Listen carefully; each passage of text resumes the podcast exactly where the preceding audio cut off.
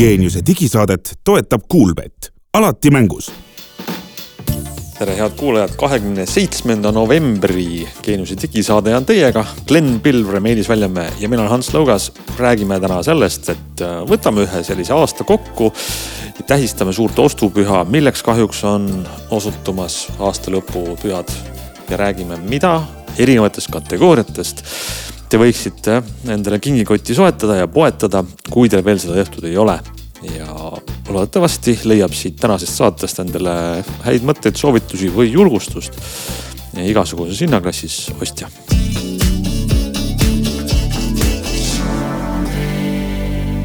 Nonii äh,, lubasime kingitustest rääkida ja minu kalkulatsioonide kohaselt on vist neli nädalat jäänud, kuni meil on jõuluvana tuleb kohale, paneb kingikotti nendele, kes on olnud head lapsed. halbadele ei pane või siis jätab midagi kehvemat. ja isegi mõne riigi pühade kohaselt on täna veel ostuesmaspäev, küberesmaspäev, reede, möödunud reede, musta reede pakkumised võivad veel kehtida. ühesõnaga just ideaalne aeg enda rahakotti tulutada. jah, sest ka näiteks Amazoni pakkumised kehtivad veel täna enamus Mustradi pakkumisi, nii et. võib-olla me siis püüame kolmekesi seda juttu siin niimoodi põrgatada ja pingpongitada mm, vabas vormis, aga ikkagi lähtudes mingitest verstapostidest mis natukene on ka tegelikult ju tagasivaade aastale, selles mõttes, et mis on head olnud see aasta, seda võiks osta.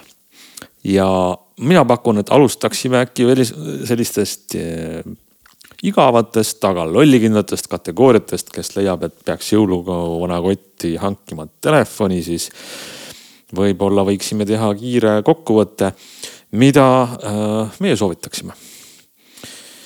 Äh, ja võib-olla noh, telefon on väga lai mõiste tänapäeval on ju, aga kuidas teie soovituse jaotaksite, kas näiteks no,?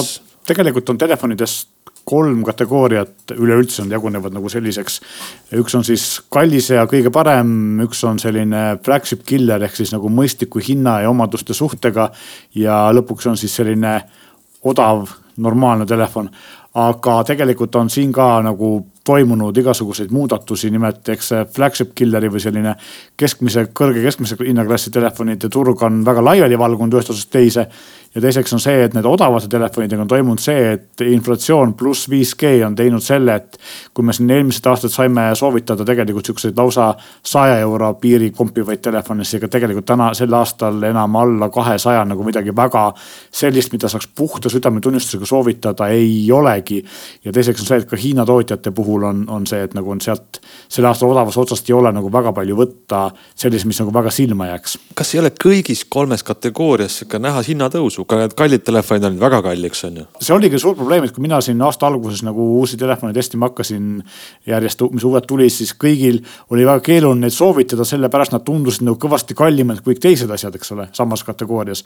aga siis, mida aasta edasi läks, siis tuli välja, et kõik tootjad tegid sama asja, et kõik läksid nagu kallimaks ja siis see alguses kallis tundunud hind yeah. ei, teistega võrreldes ei olnudki enam väga kallis. aga no mis me siin räägime, et, et kui kui sa tahad ikka kõige-kõigemat telefoni ja sul nagu äh, ei pea hinnasildi peale mõtlema, sest meil on tegelikult kaks telefoni, mis on sel aastal peajagu teistest üle ja need on Galaxy S23 Ultra, mida ma ise kasutan ja mis on siiamaani väga hästi vastu pidanud ja. järjest rohkem Samsung teeb sinna ka tarkvarapõhiseid uuendusi juurde. ja noh, loomulikult iPhone viisteist Pro Max, eks ole, USB-C pesa ja viie koodse optilise zoom'iga kaamera on need suured asjad, mis seal on muudatusi on olnud. Need, need on kindla peale soovitused, ma ütleks sama. küsimus on nüüd sulle, Meelis ja Glen mis hetkest te ütleksite inimesele, kes tahab parimat? et ära võta neid Samsung või iPhone, vaid võta hoopis üks volditav. vot, aga siin ongi nüüd see, et ma, minul praegu on testis, millest ma see nädal ei räägi, aga ma järgmine nädal kindlasti räägin sellest uh,. uus volditav OnePlus Open, mis maksab tuhat üheksasada eurot.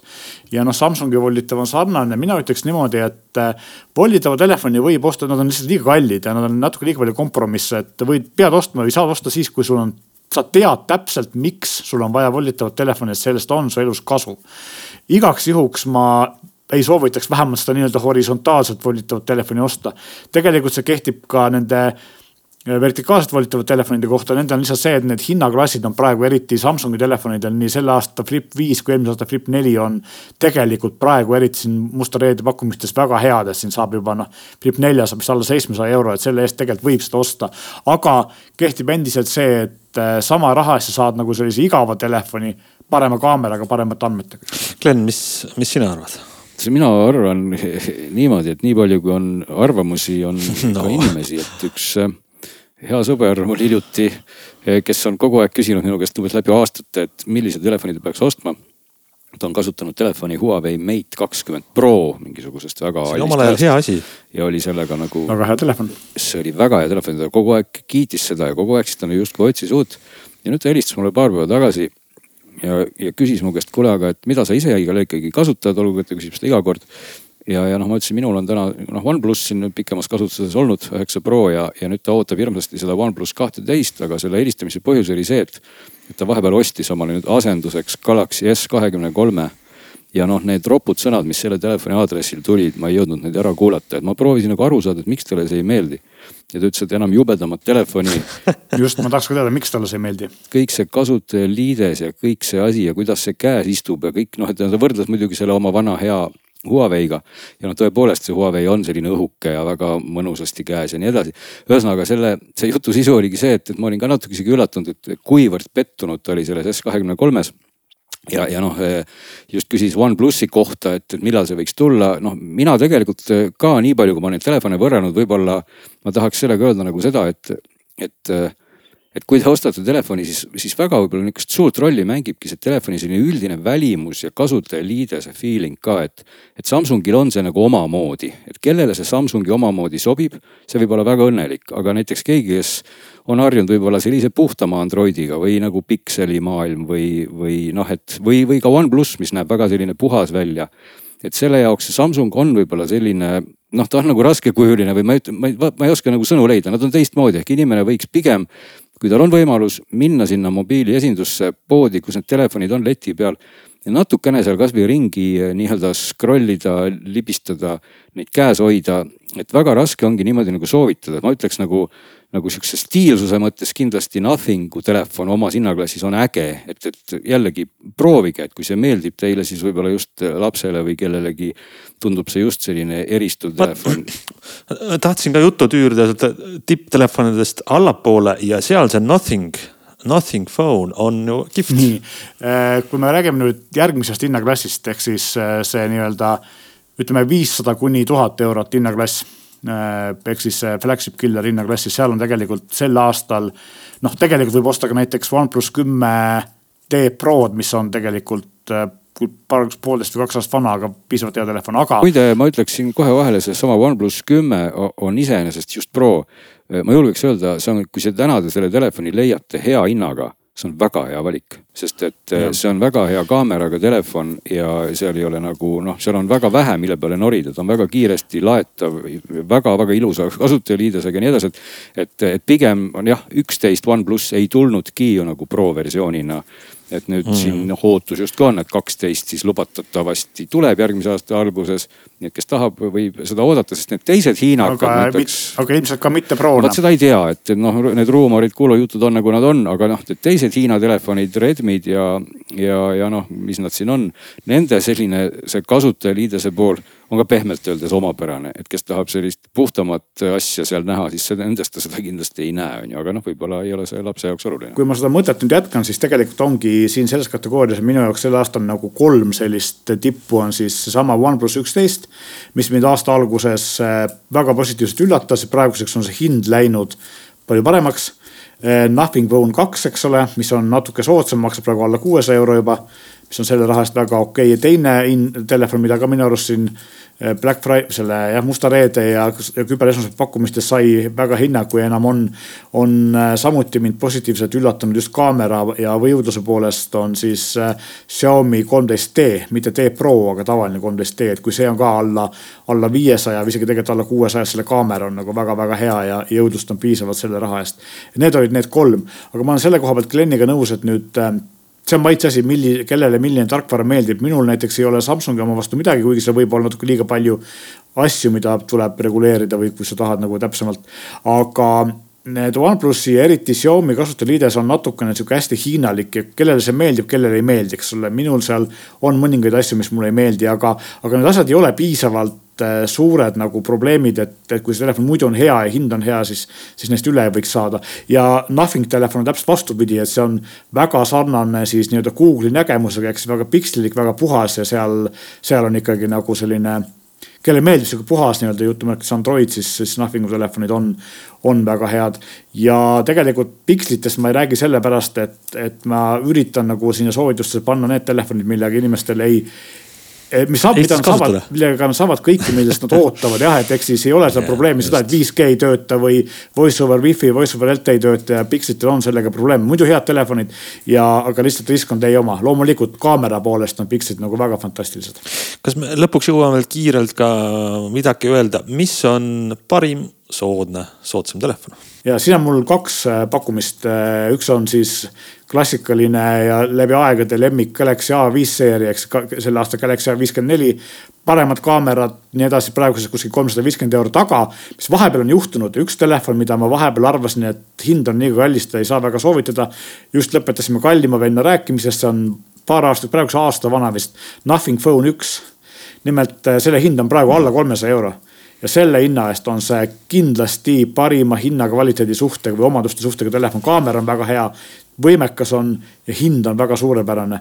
ja kui natuke veel vähem tahad maksta, siis äh, Samsung Galaxy A34, mis on kuskil seal kahesaja viiekümne, kolmesaja euro vahel. kaamera veits kehvem, aga jõudlust on piisavalt ja noh, kahesaja euro piiri peal jääb seal äh, Redmi kaksteist ja muud sellised, aga seal on, on võib-olla natukene probleeme nendega. okei okay., no soovitusi on, on igast seeriast, aga jah, mõned on need raudvarad, mis meie püsikuulajad teavad, iga aasta korduvad ja, ja see on ka kvaliteedimärk.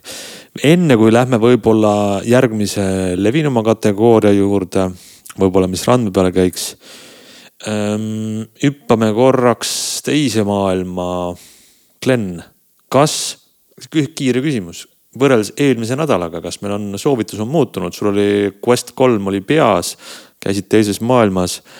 Äh, see jõul nagu me jõudsime eelmine nädal arusaamisele, et see on praegusel hetkel parimalt virtuaalreaalsuse prillid, mida osta.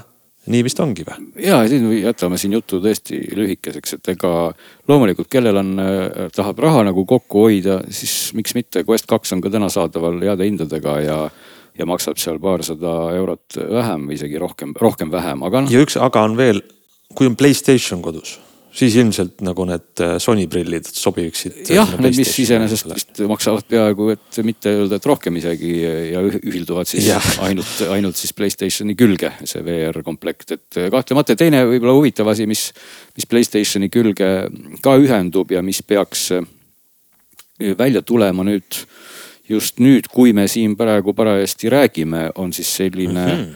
nagu mm -hmm. kaug, kuidas siis nimetada, nagu pult ekraaniga jah, mis võimaldab siis kaugmängida, selle nimi on siis Playstation Portal Remote Player ja peaks maksma kakssada viiskümmend eurot ja tähendab siis seda, et te saate oma wifi piires siis noh, põhimõtteliselt Playstationi mängu mängida igal pool, et, et kui on üks televiisor ja keegi pretendeerib seal mängima ja keegi tahab vaadata mingeid muid saateid, siis saab lahendada selle just nimelt selle puldiga. ja, ja e, kaks e, asja ma viskan siia veel vahele selle, kui me juba mängudest rääkisime või kolm asja tegelikult ja, ja sellistest mobiilsetest seadmetest rääkisime. Steam Deckist on tulnud uus versioon, millel on parem aku ja Oled ekraan, väga hea jõulukingitus Asus ROG Ally on teine selline pihukonsool Windowsi peal, mis on tegelikult väga populaarne sel aastal ja uus, uus seade, eks ole, mis on äh, üsna edukas ka. Ja loomulikult noh, me ei saa üle ega ümber jõulukingi sellisest äh, surematust kangelasest, milleks on Nintendo Switch, eks ole, et, et see on alati nagu, eriti kui on lastega pered, siis parim mängukonsool sellisele perele ja võib-olla ma viskan korra vahele kaks telefoni, mida me varem ei maininud. Ja mis ma mainisin ära, et kui sa tahad väikse ekraaniga telefoni, siis endiselt on olemas võimalik saada ja täiesti kannatab osta iPhone kolmteist mini ja Asus Zenfone kümme, mis on samamoodi sihuke alla viie, alla kuuetollise ekraaniga väga kompaktne ja võimekas telefon, et kui sa tahad tõesti väikest ekraani ja taskusse mahtuvat asja iPhone kolmteist mini, Zenfone kümme. selge, võtame järgmiseks äkki siis läheme edasi kellamaailma, eks me oleme ju see aasta eri saadetes erinevaid mudeleid proovinud. ja mul on sihuke nagu sisetunne, et, et see nagu tippmudelite seas äh, on väga raske midagi head kingisoovitust anda, sest sõltub väga palju inimese tegevustest, hobidest, milleks ta kella kasutab, kas sa käid jooksmas, teed ultrasporti, matkad mägedes. Äh, siis on ilmselt väga spetsiifilised mudelid, mis sobivad, kas midagi suunda või Polari seast või ka siis Apple Watchi ultramudel. aga mis oleks selline hea, hea kesktaseme kell?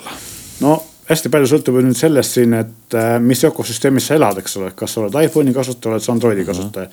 kui sa oled iPhone'i kasutaja, siis tegelikult, kui sa tahad nagu korralikku head nutikella, aga ei taha väga palju maksta, siis äh, mina ütleks, et Apple Watch kaheksa on nagu praegu väga mõistlik valik. kui sa tahad nagu väga vähe maksta, siis tegelikult uuem, vist eelmisel aastal välja tulnud Apple Watch SE on ka tegelikult täiesti okei okay., et seal on mõned asjad puudu, mõned sensorid on puudu ja always on ekraani pole, aga tegelikult täiesti okei okay, Apple Watch, eks ole ja see SE, ma rõhutaks üle, sobib võib-olla hästi ka sellisele varateismelisele või kümneaastasele. Eh, et kellel muide ei pea olema ka veel telefoni vaid saab ja. vanema telefoni kaudu ta teha iseseisvaks. ja noh spordi. see on nagu ka. spordikelladest eelmise aasta ultra praegu on mõningaid väga häid pakkumisi, et ultra kahe ja ultra ühe vahel pisut väike vahe, et võib-olla kahte, viimast ei tasugi praegu veel osta. võib-olla kella brändidest lihtsalt vahele loomulikult ma endiselt üldistaks ka selle, sellena, et et endiselt Huawei GT seeria kellad on kõik ülihea akuga, et kui keegi tahab omale lihtsalt väga ägedat kella, mis võib-olla ei ole maailma kõige nutikam, aga näeb hea välja ja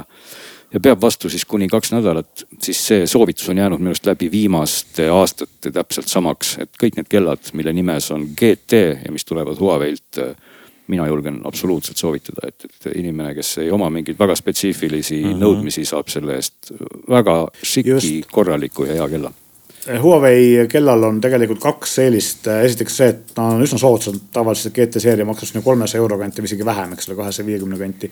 ja teiseks on see, et nad on üks väheseid kellasid jah, tõsi, nad ei ole väga nutikad, aga nad töötavad siis nii iPhone'i kui Androidiga, eks ole, et see Mõlemaga, on nagu üks, üks eelis. ja, ja no loomulikult just ikkagi see aku, aku, aku, et nende puhul see on mm -hmm. nii see on stressivaba, et, et, et sa ei lae seda üle, üle, üle kahe-kolme päeva, vaid, vaid sa laed seda vähemalt üle nädala ja, ja see on, see on väga hea. just ja teine kell, mis on kallim aga muidu mõnes mõttes sarnane, töötab nii Androidi kui iOS-iga, on nutikam, saab kasutada makseid, saab kuulata muusikat ja nii edasi, aga maksab praktiliselt poole rohkem on Karmini Venu kolm, mis on siis noh, siin neljasaja viiekümne, viiesaja vahel.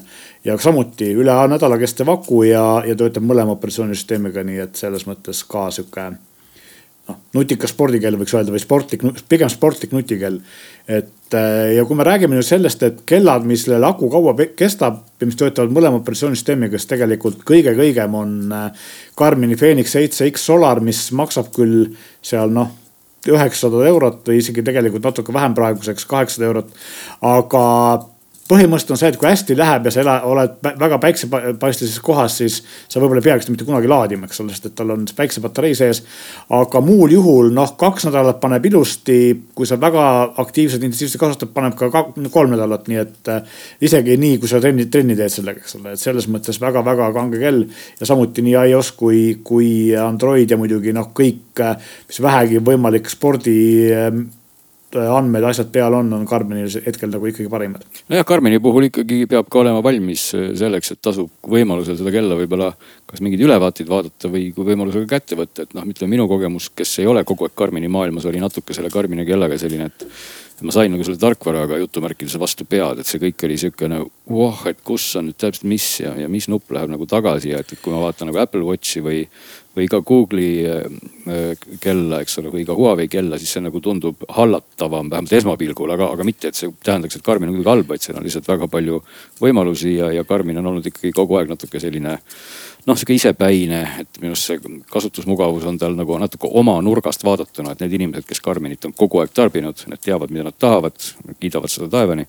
Need teised inimesed on... siis vaatavad nagu nad, nagu nad vaatavad parajasti jah jah, et ma võrdleks Karmini kella Samsungi telefoni või Sony kaameratega, et nad on nagu väga-väga targad, teevad väga palju asju, aga jah, nad teevad võib-olla natuke liiga palju mõne inimese jaoks, eks ole, et see on nagu just see et ähm, aga kui me räägime Androidi kasutajatest, siis tegelikult siin on ka nüüd see, et kuna Samsung on kõige populaarsem äh, Android Weariga või Wear OS-iga kellade tootja, siis neil tuli kaks uut mudelit ja tänu sellele juhtus see, mis juhtuma pidi, ehk siis eelmise aasta mudelid läksid kõvasti odavamaks, sama jutt kehtib ka tegelikult ähm, Apple Watchi kohta, eks ole, ja mina tegelikult soovitaks äh, mitte Galaxy Watch kuute, vaid pigem Galaxy Watch viite, sest et tavaline mitte Classic viis äh, maksab praeguses kõvasti alla kahesaja euro ja selle raha eest on kella väga palju. ja kes tahab kauemat, kauem kästva akuga Androidiga kella, siis Galaxy Watch viis Pro ainus äh, Samsungi kell, mis kestab normaalselt kolm päeva. aga noh, välimus on selline hästi sportlik ja teistsugune, võib-olla ei pruugi kõigile meeldida ja mis puudutab nüüd alternatiive siin Androidi maailmas, tegelikult on kaks väga huvitavat alternatiivi, üks neist on äh, selline hästi klassikalist, ma ütleks Huawei-liku disainiga klassikalist analoogkella meenutav on Xiaomi Watch kaks Pro. millel on võib-olla natukene nõrgem ekraan ereduse poolest kui teistel, aga kolm nuppu, väga ilus, väga hea kell. Äh, väga odav kell, sest praeguseks ilmselt kuskil kahesaja viiekümne euro kandis see lihtsam mudel ja lisaks on siis äh, TicWatch äh, viis, millel on teatavasti endiselt see selline. Mobvoi TicWatch viis, millel on siis kaks ekraani ehk siis tavalise AMOLED ekraani peal on see LCD ekraan. mis tegelikult äh, noh, on väga omapärane, väga huvitav ja mille aku kestab ka umbes kolm päeva. ja no muidugi nendele Samsungi fännidele, kes tahavad siis seda pööratavat rõngast ekraani ümber, siis Galaxy Watch kuus Classic on ka olemas, aga ta maksab noh, märgatavalt rohkem kui need eelmised asjad, millest ma rääkisin. ja võib-olla selle Androidi kellade asja lõpetaks ära sellega, et kes tahavad tõeliselt pisikest kella, mis oleks ka stiilne. ehk siis, kui mehel võiks osta see Samsungi või, või Huawei või Xiaomi kella, mis kannatab ülikooli, ülikonna juures kanda, siis äh, see naiselikum kell, mina ütleks, et on äh, Pixel Watch kaks aga siin tasub kindlasti mainida seda, et ei tohiks osta või ei, e, ma ei soovita kindlasti osta Pixel Watch ühte, sest et äh, sellel on kõvasti-kõvasti kehvem sisu, praeguses väga vananenud sisu. Pixel Watch kaks näeb täpselt samasugune välja, aga on väga tänapäevane protsessor ja väga korralik sisu ja ainuke probleem, mis Pixel Watchi puhul on, on see, et aku lihtsalt noh, põhimõtteliselt kestab päeva et äh, kahte päeva ei saa mitte kunagi sellega hakkama, nii et iga päev pead laadima. no nii, siit on ka nüüd olnud tegelikult päris palju äh, valikut eri, eri kriteeriumite järgi mm,.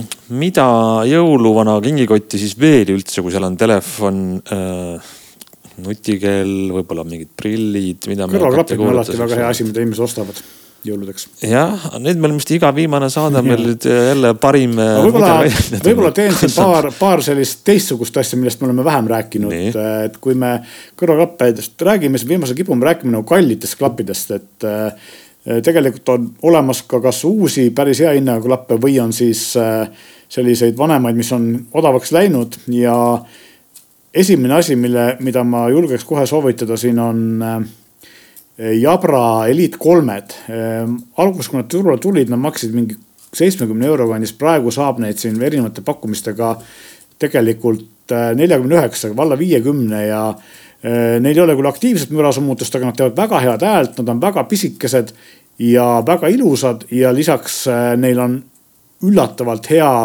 mikrofon ja üllatavalt hea passiivne mürasummutus, ehk siis kui sa paned kõrva, siis kuigi neil ei ole aktiivset mürasummutust, nad tegelikult sellist tänavamüra summutavad üsna hästi. teine täiesti uus asi, mida ma kavatsen lähiajal testida ka, aga praegu veel pole jõudnud, on äh, J-Labi J-Buds minid, mis on ilmselt maailma kõige väiksemad kõrvaklapid. Need klapid ise on hästi pisikesed ja mõnusad, aga samas kestab viis pool tundi aku. ja karp on selline, et ta on üliväike karp, saab taskust sada kaduda, aga ta, tal on olemas ka selline rõngas, mille külge saad, mida saab pannes võttmoidjana kasutada seda, et istub ilusti, istub kinni. ja lisaks on see, et üllatav selle eest ka viiskümmend eurot, et selle raha eest saad JLabilt ka äpi, millega saad sa reguleerida praktiliselt kõike, equalizer eid, eh, kõike muud, eks ole, nii et kuidas nupud töötavad, et väga-väga head klapid selle raha eest. ja kolmandaks võib-olla, mis võib-olla praeguseks nende kahe valguses on võib-olla natukene eh, paigast ära nihkunud, siis on need eh, OnePlus NordBuds kahed millel on aktiivne mürasummutus, aga nad ja väga head mikrid maksavad ka kuskil kuuekümne euro kanti. aga nende siis kaks häda on, üks on see, et heli tugevust ei saa klappide pealt üldse reguleerida. teiseks on see, et kuigi see aktiivne mürasummutus on olemas, ta loomulikult ei ole kaugeltki sarnane kallimatega. ja ega kallimate osas otsus võib-olla jätamegi jutu lühikeseks, sest tõepoolest, kes nüüd tahab kuulata meie viimase kvartali saateid, siis ilmselt muud sealt peale klapid ei leiagi, et nendest saab üles korjata siis väga hästi omale ka kallimate klappide kohta mõtteid. tõsi, ühed nendest, mis kõrva peale nüüd paigutuvad ja millest me üldse ei ole rääkinud ja, see on, mina siin raputan omale tuhka pähe, et mul on need riiulis ja ma ei ole neid jõudnud proovida, ongi sealtsamad suured Bose'i quiet comfort'id, mitte siis need, mis käivad kõrva sisse, vaid need, mis käivad kõrva peale et neid on ka ette ja taha kiidetud. äkki me jõuame näiteks kasvõi järgmises saates siis nendest võib-olla paar sõna rääkida, et, et niimoodi etteruttavalt võiks ka need kindlasti selliste kallimate klappide või ütleme kõrvapealsete osas olla soovitus. noh, seal teine selline hästi kindel minek on olnud alati see Sony seeria, mis siis on ka läbi aastate olnud see kõrvapealne klapp. et, et aga noh, nende hinnaklass on muidugi oluliselt nüüd kõrgem kui siin nüüd need mainitud viiskümmend kuni sada eurot, eks ole. meenutage, mis te, ma, teie soovitused on kõik väga mõistlikud, aga mul hakkas nagu äh, isutama millegi eristuva järele. ja kui Nothing Phone'i see telefon oli hea, siis nende klapid olid ju ka, see aasta tulid vist uued, uued Nothing Ear'id välja, kui ma ei eksi. mis äh, hinnaklass on ka selles soodsas hinnaklassis ja noh, või saja euroses ja see oli muidugi nüüd, aeg lendab, see oli vist kusagil kevade kandis või igal juhul nad tulid täpselt nii ammu, et, et mul see karp isegi täitsa nina all, muideks nad mul kadunud tükk aega, tulid ikkagi kuskilt välja hmm.. Nende puhul kahtlemata üks väga tore pluss on välimus, sest nagu ikka nothing'u asjad Just. näevad need ka välja sellised äh, kihvtid, nad on pool läbipaistvad ja karp on läbipaistva kaanega. ja, ja nad ei olnud ka üleüldse väga halvad, aga nad ei olnud nüüd ka kindlasti päris sellisel tasemel, nagu me siin räägime nendest tippmudelitest heli mõttes. aga, aga nad, te võite selle saate, ma arvan, ikkagi üles otsida, sest et sealt värskendub see meie jutt palju täpsemalt kui praegu vähemalt minu mälust, et, et kuidas seal selle heli ja kõigega lood oli, aga igal juhul, kui ei ole selline metsik audiofiil siis on nad kahtlemata nunnud ja eristuvad niisugused kõrvanupud. jah, ja kui sa oled nagu Apple'i kambas ja tahad äh, sarnast äh, eristuvat klappi, siis Beat Studio Bass pluss samamoodi läbipaistva korpusega väga omapärased klapid ja loomulikult töötavad ka Androidiga, aga, aga eriti hästi töötavad iPhone'iga, nii et, äh, et samuti üks soovitus. natuke kallimad kui Nothing Phone'i Nothing klapid, aga no kõrvaklappide lõpetuseks ma võib-olla ütlen ka siis ikkagi ühe plusssõna AirPods Prode kohta, mis on selline, see on nagu üle kahesaja euroses hinnaklassis. ja ise võib-olla ei tahakski lisaks midagi öelda, aga vahendaksin väga paari lausega ühte väga põhjalikku ja huvitavat kuulajakirja, mis meile tuli ühelt inimeselt, kes ähm, on oma elus seal kohal, et on tuvastanud, et ta ei kuule enam väga-väga hästi. ja pika kirja kokkuvõte on see, et ta ütleb, et AirPods Pro on suurepärane kompromisslahendus, et enne kui noh päris meditsiiniline kuulmisaparaat panna, siis see, kuidas on see äh, võimendus, äh, siis selline läbi äh, inimkõne võimendus, mürasummutus, ka veel kuulata muusikat. et ennekõike see transparency mode, kuidas, mis siis aitab seda olulist heli eristada, et see on sellise hinnaklassi seadmetel, noh tema väga kiidab. ja noh, mina me kõik, keegi kolm vist ei oska selle nurga alt testida klappe, aga, aga selles mõttes on väga huvitav kuulajakiri, nii et ähm, kes, kes teab, et ta võib-olla lähedane kannatab selle mure all, siis enne kuulmisaparaati eh, võiks täitsa minna ja proovida, et kui palju aitavad. Äh, ja äh, seal muidugi on hästi oluline nüanss see, et tõenäoliselt pead sa olema selleks ka iPhone'i kasutajad sellest eelisest kasu lõigata. aga teine asi on see, et Apple on tead-, teada on see, et äh, Apple üritab nagu oma kõrvaklapi tehnoloogiaga üldse sellise tehnoloogia järjest rohkem kellaga tegelikult järjest rohkem sinna meditsiinivaldkonda siseneda. ja, ja, ja eakad nad, ka, nad, mitte et see oleks eakate probleem ainult, aga selline just, et sinu ütleme siis. aga nad võtavad tugi. seda väga tõsiselt ja noh, teine asi muidugi loomulikult, millest me oleme tegelikult siin ka varem rääkinud, aga mida võib-olla tasub mainida, mis puudutab AirPods Prosid. noh, lisaks sellele, et neil on üsna hea heli ja väga hea mürasummutus, on see, et neil on ilmselt seni parim eh, mikrofoni kvaliteet kõnede jaoks ja teiseks on see, et neil on kindlasti konkurentsitult parim eh, siis selle välise heli läbilaskmise omadus, et see tõesti on ainus klapp, ainsad klapid, mille, mille väljast tulev heli jätab mulje, et sa, sul ei ole klappe kõrvas, eks ole, ta ei moonuta nagu üldse. aga loomulikult jällegi, et, et selleks, et AirPods Pro kõigist headest omadustest sa kasu saaksid noh iPhone'i omanikud saavad sealt palju rohkem kasu kui Androidi omanikud, nii et see on ikkagi pigem iPhone'i omanike eelis.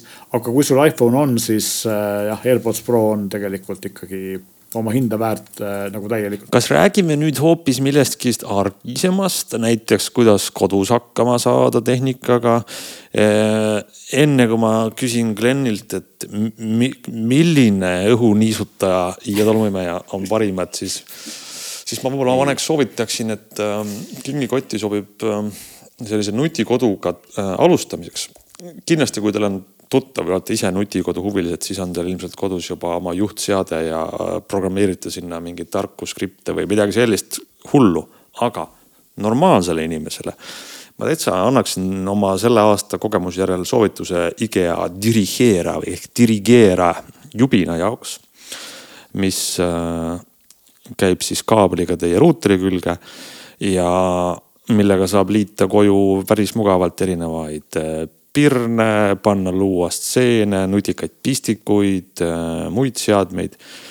ja kõike seda veel saate ka, kui juhtub olema mingisugune Google'i kõlar või ka Apple'i HomeKitiga seade, siis, siis Dirigeera annab veel ka sellise lisaliidese, et ei pea telefonist neid asju näppima, vaid saate juhtida et senikaua, kui me siin oleme aasta otsa oodanud Matterit ja, ja veel lisaseadmeid, siis tegelikult see IKEA seade on sihuke lihtsaks alustamiseks päris, päris mugav. mina annaks äh, sellele ka ühe alternatiivi Äh, mida olen ise proovinud, see on Samsungi SmartThings Hub. mis praegu hetkel tegelikult, kuna Samsung lõpetas riistvara tootmise ära ja teeb SmartThingsi äppi, raudade enam ei tee, siis äh, EOTech on selline firma, kes seda hub'i teeb ja kui te panete otsingusse SmartThings Hub, siis te selle leiate, samasugune seda IKEA vidinat meenutav pisike vidin, mis käib kas juhtmega või, või wifi'ga ruuteri külge. ja toetab muideks Matterit, toetab HomeKiti, toetab äh, Google'it, Alexat, kõiki asju ja sinna saab ka ühendada, siis ta põhimõtteliselt töötab nagu sellise keskse seadmena, et mina sain ka IKEA asjad sellega tööle. kuigi nad ei ole ametlikult veel toetatud, sest IKEA ei tööta materjalit, aga kuna ta on Zigbee protokollil, siis tal ongi Zigbee on, Z-Wave on ja Wi-Fi on, eks ainuke asi, mida ta ei toeta, on Bluetooth seadmed.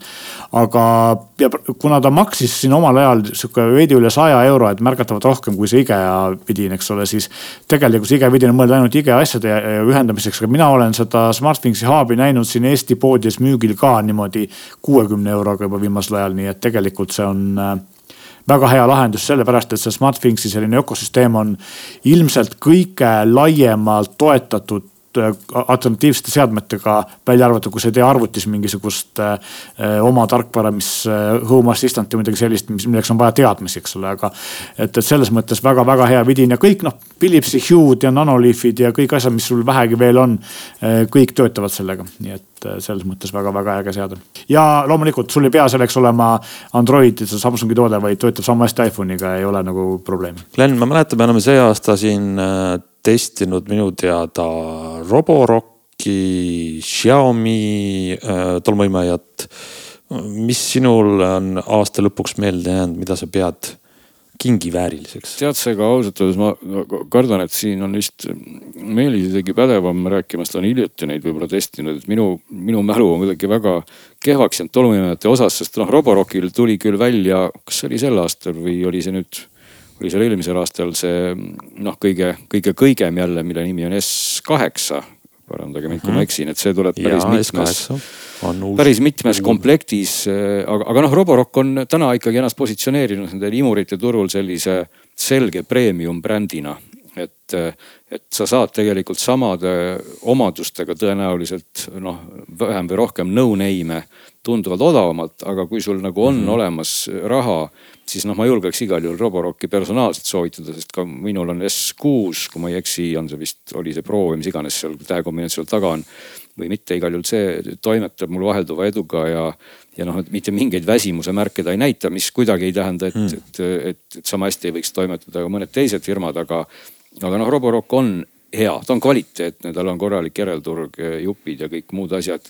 Nii et jah, brändina mina julgen seda küll soovitada, et, et seal on nüüd jah, täna on seal valikus ka põhimõtteliselt ainult imur ja siis imur koos tolmu imuriga ehk et ta tühjendab oma neid tolmukotte ja siis see kõige kangem versioon just peseb ja möllab. mis asi on ainult imur? ainult imur on see noh, nii-öelda imur koos dokiga paned nurka ja siis tühjendad oma tolmukopsikut peale igat korda ja, ja nii nagu ta kogu aeg on olnud, aga siis noh, kangematel versioonidel on see siis see tolmukopsiku tühjendi on eraldi dokk, mis siis imeb tolmukopsiku tühjaks suurde tolmukotti, millest siin meil on vist juttu olnud, et see, et esimesena või, või, või ühena esimestest tuli see nii-öelda aiarumba sellega ju välja ja, ja siis riburada pidi on ka hiinlased kõik sellega välja tulnud ja, ja siis kõige kangem lahendus on see, kus sul siis kõik see lapindus seal ära pestakse ja ja noh, justkui su käed jääks võimalikult puhtaks, aga selle eest sa maksad ka ikkagi poolteist tuhat eurot või, või rohkem, et.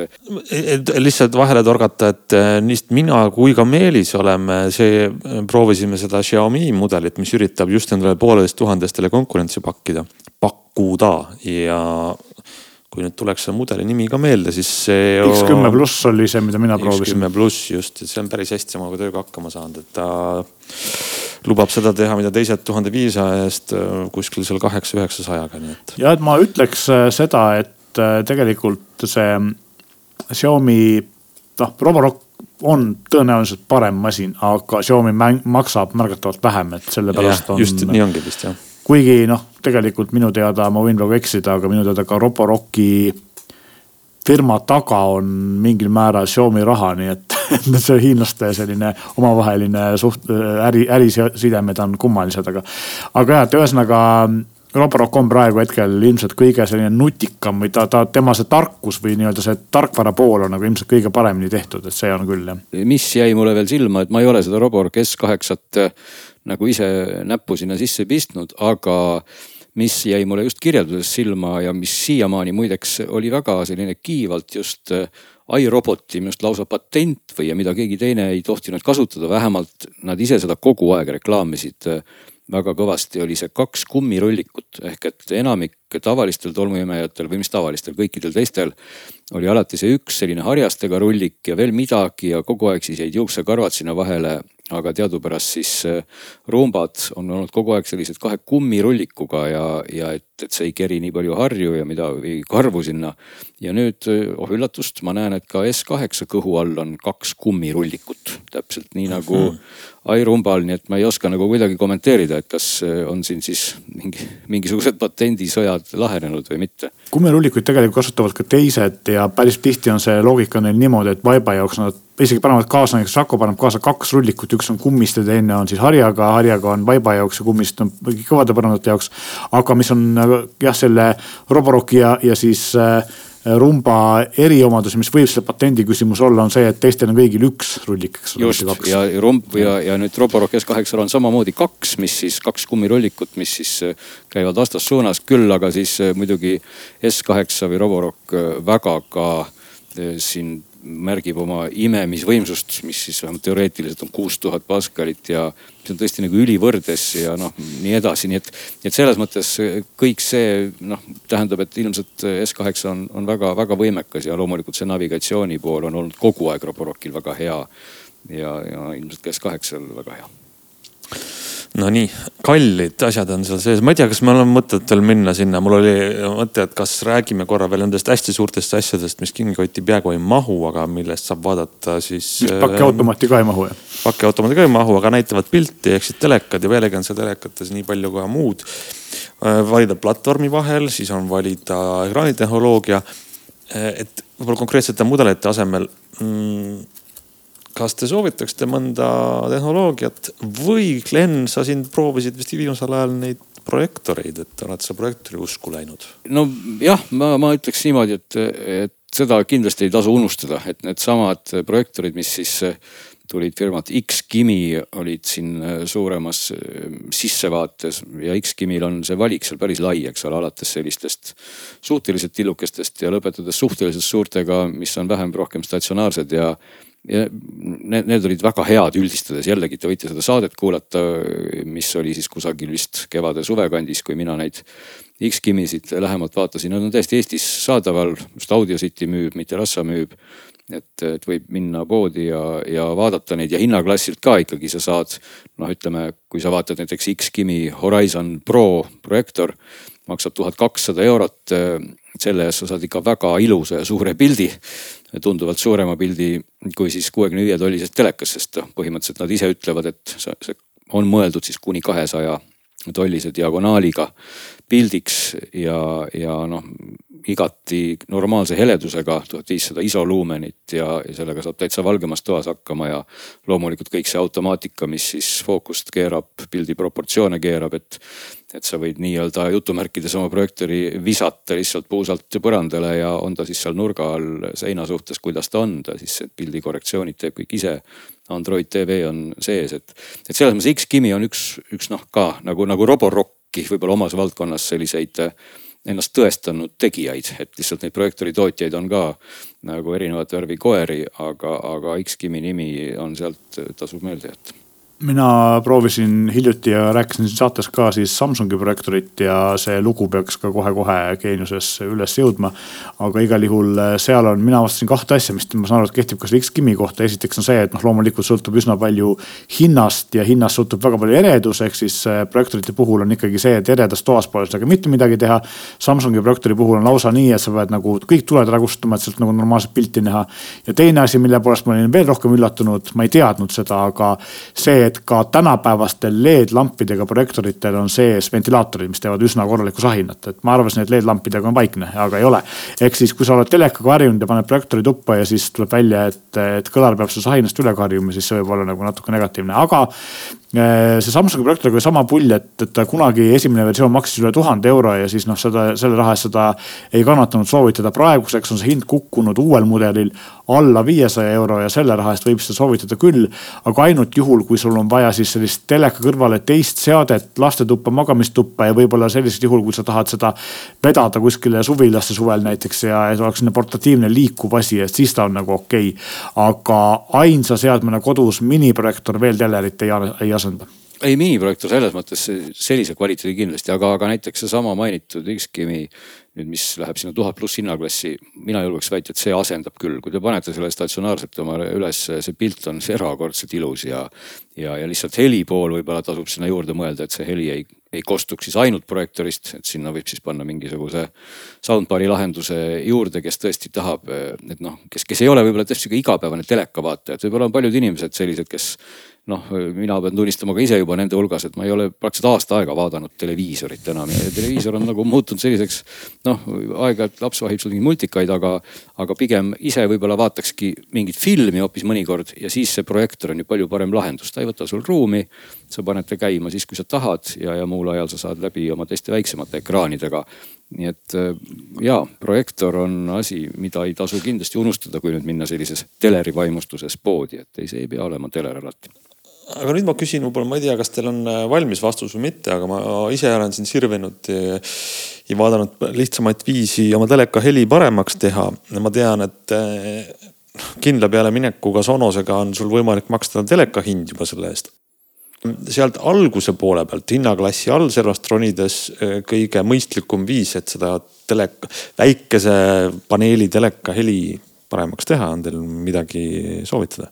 no tegelikult ongi nii, et vist rohkem soundbar'i ümber testinud, aga, aga tegelikult äh, päris heaks on läinud üllatavalt viimase paari aastaga need äh, ilma subwooferita pisikesed soundbar'id, mida ise küll pigem eelistaksin bassikõladega versiooni, aga tegelikult sellised isegi kohati kahekohalise numbriga asjad, aga noh, siin Sonyl, JBL-il ja Samsungil on tegelikult ka teistel, Denonil ja nii edasi. on sellised alla saja viiekümne euro maksvaid väikseid soundbar'e, mis iga teleri juurde sobivad ja mis tegelikult teevad üllatavalt okeid bassi päris palju. Sonos oma on veel võib-olla jah parem ja kindlasti nutikam, aga maksab rohkem, eks ole Sonos Beam siis, aga iseenesest jah, et, et sellist lihtsamat, kuna noh, oled olgugi, et telerid on, mina olen ka testinud siin sel aastal kolme tuhande eurost LG suurt oled telerit ja no nende kõlarid on ikkagi teleri kõlarid, eks nad pisikesed ja sealt nagu mingit väga suurepärast heli kätte ei saa, siis. siis tegelikult juba sellise saja euroga saab sinna täitsa arvestatava soundbar'i ja ütleme nii, et selline rohkem bassi tegev normaalne soundbar on, on see kuskil kahesaja, kolmesaja euro kandis, et eh, üllatav on siin see, et ehm, Samsung peale selle, kui nad ostsid ära Harmani ehk siis JBL-i emafirma, on teinud hüppelise kvaliteedi tõusu soundbarides, vanasti Samsung soundbaride heli ei olnud kuigi hea, praeguseks nad võidavad järjest testi juba mitu aastat ja. ja on, on nagu üsna, üsna, üsna head. ja noh, siin on ka teisi tootjaid turul tulnud, Philipsi soundbarid on paremaks läinud, Hisense on tulnud päris heade mudelitega, nii et. et tegelikult siin on, valik on suur ja võib-olla Glenil on mingid oma eelistused, aga, aga tegelikult saab küll nagu mõistliku hinna eest no,. minu, minu eelistus on muidugi natuke selline kõlab nagu ülbelt, aga ma ütleks, et kui teil ikkagi iga euro ei ole väga arvel, ostke Sonos ja jutul lõpp, noh seal ei ole nagu mõtet mm -hmm. oma mhm. elu üldse keeruliseks teha, sest et ta maksab küll natuke rohkem, aga selle raha eest saab super hea heli, selle raha eest saab super hea äpi selle raha eest saab super hea ökosüsteemi, et kui te mis iganes kõlareid hiljem juurde panete, olgu need mujale tubadesse või tahate surround kõlareid panna või et. mitte, et teistel seda võimalust ei oleks, on ka teistel võimalik neid nii-öelda grupeerida ja, aga, aga Sonos on selle koha pealt nagu täiesti standard omaette, et kõik, kõik nutipool, kõik striimimine, kõik see, see kõik töötab lihtsalt noh, niivõrd hästi, et et seal äh, ei ole mõtet oma elu lihtsalt teha keeruliseks, mina ei näe nagu üht, ühtki põhjust, miks ma peaks hoidma mingisugune sada või paarsada eurot kokku oma mugavuse elu arvel. jah, aga kui sul on valida, kas ostad subwooferi või soundbar'i saja euroga või viiesaja euroga või neljasaja euroga, eks ole, siis seal on vahe. teine vahe on see, et äh, ma olen, ma olen Gleniga nõus, et äh, tegelikult Sonos on just nendel inimestel, kes tahavad ehitada endale nutikodu või multiroom süsteemi või sellist nagu kodukino päriselt valmis välja ehitada või teha helisüsteemi, on see nagu ilmselt parim valik.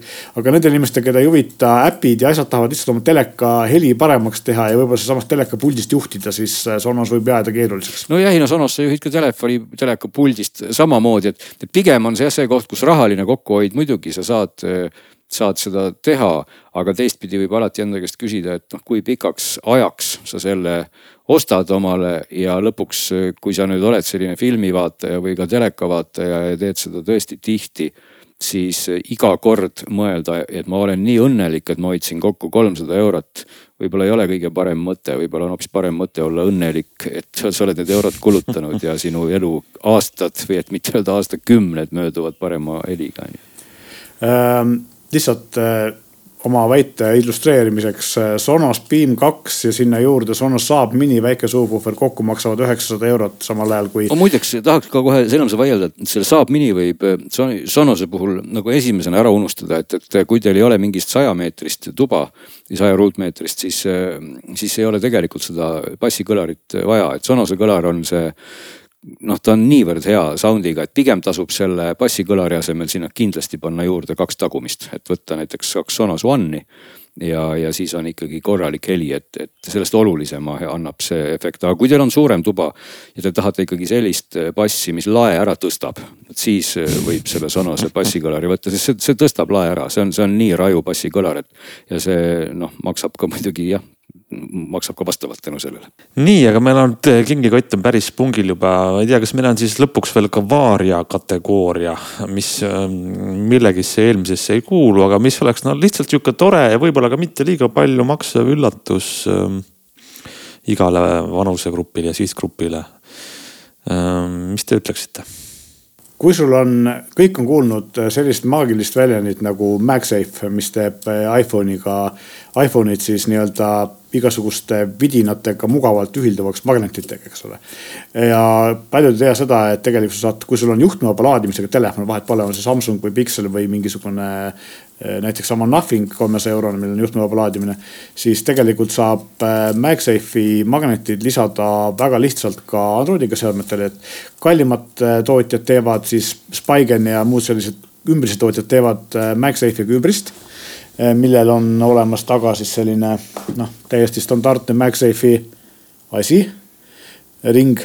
ja kui sul eh, on, eh, tahad rohkem raha kokku hoida, siis näiteks CSR on selline tuntud MagSafe'i ühilduvate asjade tootja.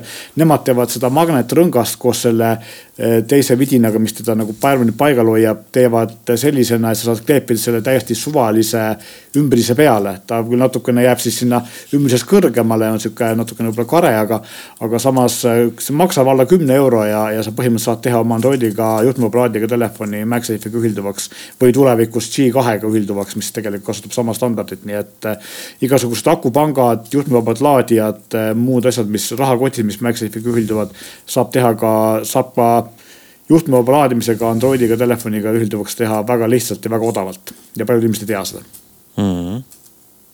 väga hea, Glen, mis, mis sinul on varrukast võtta? mul on ausalt öeldes päris pikad varrukad. et, et, et kuna ma koostasin ka digisse tegelikult siis ajakirja formaati sellise ülevaate, kuhu ma Äh, siis kokku äh, üritasin roobitseda just selliseid huvitavaid asju, kust siis jäi kõik see välja, millest me oleme siiamaani rääkinud. Siis, siis tegelikult äh, võin ma sellest kogumist teha võib-olla väikese ülevaate, sest seal, seal oli toredaid asju, et, et seal käis see mul nüüd, nüüd küll hinnaklasside kaupa, et me jagasime seda ära siis seal erinevateks vahemikeks seal viiekümnest sajani, sajast kahesajani ja nii edasi, et kõige kallim oli üle tuhande et võib-olla, võib-olla see vahemik just, mis, mis ma vaatan need vahemikud tegelikult täitsa niimoodi üle, et, et ütleme nullist viiekümneni. võib-olla kui te olete selline kergelt automees või võib-olla isegi autohuviline naine ja teil ei ole seda HUD display'd autol, mis näitab klaasi peale kiirust, siis see on tegelikult õudselt äge vidin, mis ei maksa üldse palju, et need hinnad algavad mingist kolmekümnest eurost ülespoole Amazonist saab neid tellida, minul omal ajal oli see ka neis autodes, kui mul ei olnud seda klaasi. kusjuures tahtsin küsida, et see tekitas minus nagu väga palju huvi, kui ma nägin seda siin digis, eks ole ja, ja, ja et kas oled ise proovinud, töötab see ka nagu hästi ja normaalselt? ma ei nagu ei soovitaks konkreetset tükki, et täna Amazonis mm -hmm. see valik on. vaadake ülevaadet, lugege arvamusi ja aga see iseenesest on täiesti toimiv, selles mõttes, et minul oli see umbes juba vaata, et viisteist aastat tagasi. ma selle panin oma ühte autosse, kus tol ajal need praktiliselt olid ainult üli-ülikallistel autodel. see töötas siis GPS-i põhiselt ja, ja noh, istus seal tuuleklaasi all, peegeldas ainult kiirust, noh tänased on, on ägedama ekraaniga ja, ja peegeldavad seal ka muud infot. aga lihtsalt sa saad tegelikult omale väga kihvti ja ägeda kiiruse näidu ja üldse mitte kallilt, et, et ägedamad või kallimad eksemplarid isegi on täna siis noh OBD ühendusega, et sa ühendad selle auto sinna diagnostikaporti, kust siis noh, sa võid siis kuvada mis iganes muud infot ka, kui sa justkui tahad seda klaasi pealt vaadata. aga need kõige lihtsamad mudelid on ikkagi GPS-i põhised, lihtsalt nad tahavad küll toidet. nii et tõsi küll, noh, mina ka ta omale autosse siis natukene paigaldasin viisakamalt, et mitte sinna sigareti otsa, olgugi et komplektis tulevad nad reeglina selle ümmarguse kaheteist voldise pistikuga, eks ole, aga. siis sa panid ta sinna äh, selle kaitsme külge, nii nagu käivad pardakaamerad? jah, mina lasin natukene, võtsin spetsialistid appi ja, ja lihtsalt äh, pistsin juhtme viisakalt ikkagi äh, niimoodi, et ei, ei töllerdanud see mul kuskil ees, kuna ta oli ju püsivalt mul autos. sest muidu nad kipuvad mõnikord ka olema sellised, et, et, et nad jäävad nii kauaks käima, nagu on toide. ja noh, mõnes autos võib-olla see sigaretisüütaja võib isegi voolu all olla ka siis, kui auto on väljas, et, et, noh, seal, seal ühesõnaga tasub natuke teha uurimustööd, ühesõnaga ma ei tahagi jääda pikalt siia kinni. see on kihvt vidin, see maksab vähe ja kui te ei taha osta uut autot, mille see lisavarustuse sees on ja maksab tuhat rohkem eurot, siis saab selle palju odavamalt oma vanemale autole ka lisada kui ma nüüd vaatan siit veel kiire diagonaali üle, et, et, et viiekümnest saja euroni on mul siin ausalt päris siukseid huvitavaid vidinaid, mida ma ruttu võib-olla vuristaks ette, et üks selline äge asi, mida ma vist kunagi isegi mingisugusel messil, kas oli CES-il või kuskil ma seda nägin, oli, on Power Up Äh, paberlennuk, see firma ongi Power Up, nüüd on ta jõudnud neljanda põlvkonnani, ta on Power Up neli punkt null RC. ta tuleb kitina, kus on kaasas põhimõtteliselt äh, pisikene mootorike ja, ja natukene vidinaid ja sa saad selle siis nagu kleepida paberlennuki külge või kinnitada, ehk et sa teed omale paberlennuki, mis on siis Bluetoothiga telefoniga juhitav, noh et, et see on tore asi, et, et, et ja, ja kui see lennuk läheb sul katki, siis sa võtad, teed uue paberlennuki, sest et need jupid on, on, tundusid küll väga töökindlad, et ma ei ole seda viimast versiooni nüüd ise proovinud. ma kusjuures vaatan, et äh, ma ei julge öelda, kui, kui, kuskohast nad saadavad, aga nende enda veebis äh, PowerUp Toys.com on nelikümmend viis eurot äh, pluss saatmine, nii et kui nad Hiinast saadavad, siis võib maksudega probleeme olla, kui nad Euroopast saadavad, siis hind on eurodes igal juhul. vot siis on võib-olla isegi veel lihtsam tõesti, et, et siis asi, mis meil siin kohapeal on täitsa müügil, mitte rassa, kui ma ei eksi, pakub, on need pisikesed karbikesed, nende nimi on Relax Sound Need on sellised karbikesed, mis teevad siis džunglihääli, loomahääli või, või mingeid muid äh, mühinaid ja kahinaid, kui nende juurde minnakse. ehk et kui te panete selle kuskile esikusse, kööki, koridori või kuhu iganes, siis niikaua, kuni keegi seal esikus või köögis ja koridoris edasi-tagasi käib, siis kostab ka meeldiv helitaust. et see on täitsa sihuke noh tundub nagu geniaalselt totter, aga samas väga geniaalselt tore lahendus, et. sest mingid uuringud olevat isegi näidanud, et kui nad omal ajal hakkasid neid asju tegema, noh tegelikult see firma sai alguse sellest, et kuskile haiglatesse paigaldati selliseid loodushääle kõlareid. siis selgus, et inimeste emotsionaalne tervis kohe paranes ja kui kuskil ühes koridori nurgas siristasid linnud ja teises oli vaikus, siis millegipärast inimesed kippusid kogunema sinna koridori nurka, kust linnud siristasid, nii et sellised pisikesed kõlarid maksavad seal viis, kuuskümmend eurot võib-olla on tore, tore kingitus, eks ole. siis noh, sihukestest võib-olla natuke totramatest nutiasjadest mul jäi silma ka nutipudel, mis, seda pakub sihuke firma nagu Hydrate Spark.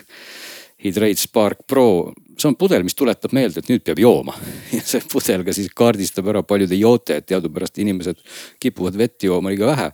ja kui teil meeldib tehnika ja te vett tahate juua siis miks mitte neid pudeleid vaadata, nad müüvad neid pudeleid erinevas mõõdus ja kategoorias ja, ja nad on kuidagi ühenduvad sinu telefoniga ja.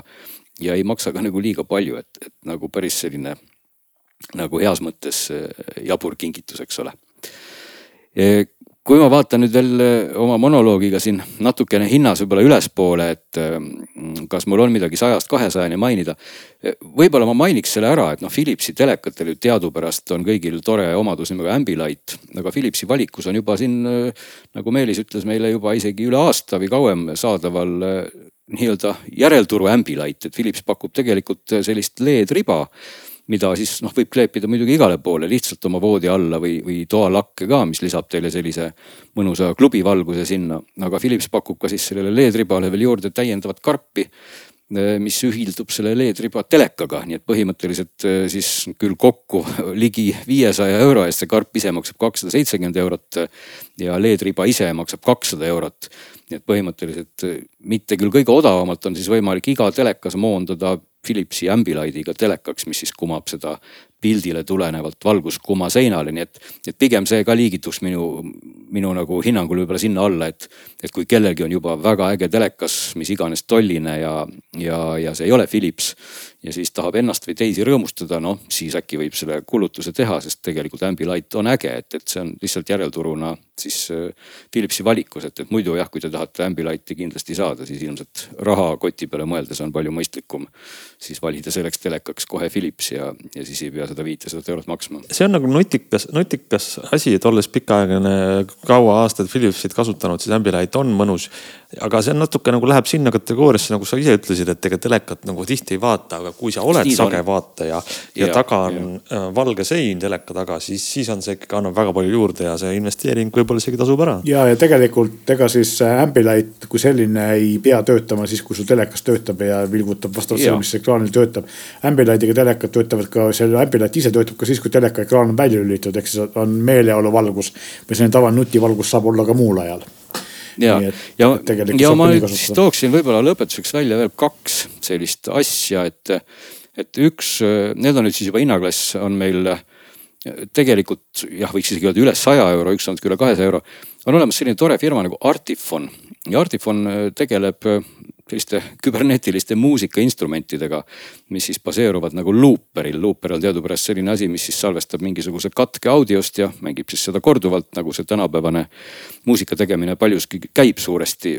ja, ja Artifoni valikus on, on selline tore asi nagu Orba kaks, mis on seal juba olnud tegelikult päris pikka aega. see on selline pisikene, kuidas ma ütlen, nagu poolik pall, mis käib kätte ja kus ülemisel poolel on siuksed puutetundlikud segmendid ja, ja nendega saab siis igasuguseid erinevaid hääli mängida, saab neid kohe luupida ja, ja saab nagu väga ruttu teha põhimõtteliselt muusikat. Ehk et inimene, keda võib-olla huvitab, võib-olla eelkõige siis lapsed näiteks või teha lihtsalt lugusid või mingeid katkeid ja mõelda midagi, siis sellega on seda väga kihvt ja tore teha, see maksab seal pealt saja euro, see Orba kaks. Ja Orbal ja Artifonil on meil tegelikult teine selline päris päris küberneetiline pilv, mis meenutab justkui kitarrikaela natukene selliste nagu noh, tsoonidega siis kuhu vajutada, aga mis ka kombineerib siis endas põhimõtteliselt kõike seda, nii luuperit, süntesaatorit kui ka siis omamoodi kitarri, kui ka samplerit, kui ka veel midi controller'it.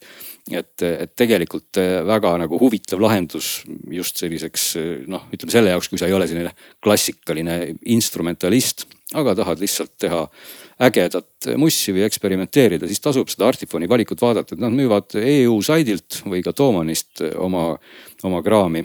ja, ja ma muidugi nüüd lõpetaks võib-olla hoopis sellise asjaga, et. no meil ongi tund täis, nii et sest ma ütleks, et see on nüüd see koht, kus ma loodan, et lapsed on meie saate ammu nüüd visanud prügikasti, sest me oleme noh, teadupärast lapsed vaatavad ju kuni viisteist minutit, siis neil on tähelepanu ammu hajunud. nii et ma loodan, et need viimasedki lapsed on ammu ära läinud. või sekundid.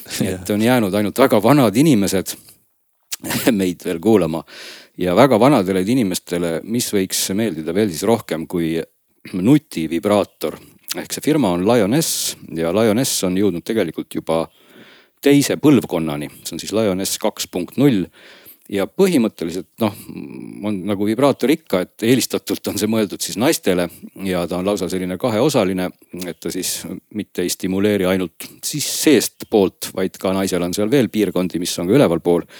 ta stimuleerib ka seda piirkonda, aga mida ta siis teeb, on see, et ta kaardistab ära kõik selle, mis toimub naise kehas ja kõik selle siis on, salvestab ta siis sulle telefoni pilve, kuhu iganes sa tahad ja sa saad seda pärast siis analüüsida.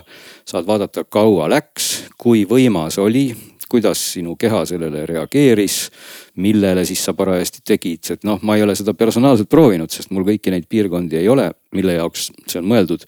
aga loomulikult ei ole ka muidugi välistatud, mul tekkis täitsa mõte, et ma, et me võiks seda täitsa testida, et, et küll, küll me leiame mõne mõne naise ka, kes on nõus seda tegema ja võib-olla oma tagasisidet andma, sest et, et kui ma neid ülevaateid lugesin, siis igal juhul kirjelduste järgi on ta täiesti eh, noh, ütleme need inimesed, kes seda proovisid. Mm, üks neist just eriti ütles, et, et tal ei ole elus olnud põnevamat momenti, kui peale esimest katsetust eh, lugeda või vaadata neid graafikuid et mis siis juhtus, sest et üks asi on seda tunda, aga teine asi on täpselt teada siis, et et, et kuidas ja miks siis mingisugused protsessid sinu kehas toimusid. ja tegelikult selle põhjal noh, võid sa siis ka avastada midagi, et näed, et, et see tegevus mõjus mulle nii või teine tegevus mõjus mulle teisiti.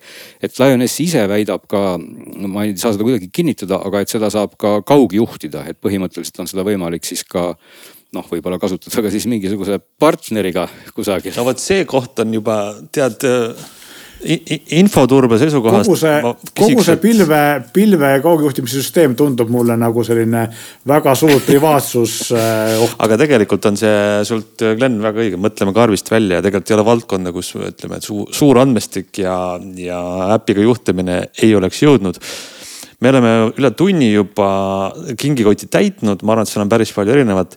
ma tegelikult kõike seda. ma lisan ühe asja no, veel. kõige viimane asi, hästi kiiresti üks asi, mida me tegelikult eh, oleks pidanud mainima, ei maininud, et eh, inimesed kasutavad palju ekraane ja, ja võib-olla liiga palju ekraane, võiks kasutada natukene silmasõbralikumat ekraani, ehk siis eh, kui teile meeldib lugeda, ostke omale e-luger kõige mõistlikum lahendus ilmselt ingliskeelsete raamatujate jaoks on Kindle Paperwhite jätkuvalt Amazonilt, kohati saab selle alla saja euro. ja kui teid huvitab Eesti raamatud, Eesti raamatukogudes äh, tasuta antavad raamatud, siis Booksi äh, siis kas suurem Books Page või väiksem Booki viis, mis on kuuetolline. üks neist on alla kahesaja, teine üle kahesaja euro Paperwhite on küll odavam, aga ühesõnaga, et hea korralik e-luger on alati hea kingitus, sest et äh, selle ekraan on palju silmasõbralikum ja aitab hoida telefonist eemal. Ma ütleks siia lõppu ikkagi veel selle, eks sedasama nende seadmete siis äh, et, et me ikkagi lõpetaks sellisel erootilisemal toonil, et, et, et neid ei pea kõiki ka tellima kuskilt välismaalt, et tegelikult on, see on tore pood, on Ulakas Kaunitar, kes ka seda Lionessi siin Eestis müüb, et ma täitsa nagu soovitakski inimestel noh, mitte öelda, et see on nagu valehäbi või mis iganes tunne, et kui vähegi tundub, et, et selline asi võiks huvitada, minge sinna, võtke see nagu päriselt kätte ja mitte, et nüüd kohe seda kuskile pista, aga vähemalt proovida ja vaadata ja uurida, et iseenesest see valdkond, kus meie kehad saavad ju tehnikaga kokku on ju kogu aeg meil olemas need nutikellad ja me, me kõik ju kasutame neid ja see selles mõttes ei ole seal otseselt midagi uut, et miks me siis peaks kuidagi arvama, et, et mingi muu piirkonna kaardistamine kuidagi on paha, aga näed, kella oma ei ole, nii et avatud jõulumeelt, ütleme nii.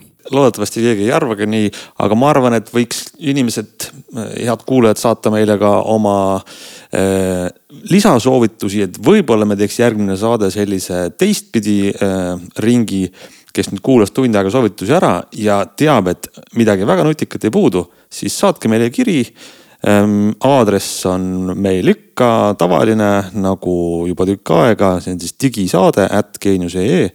ja kui on midagi põnevat, jagame ka teiste kuulajatega.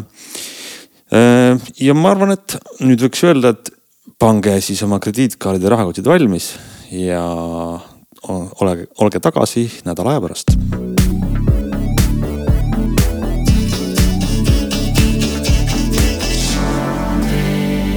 Kuulbett, alati mängus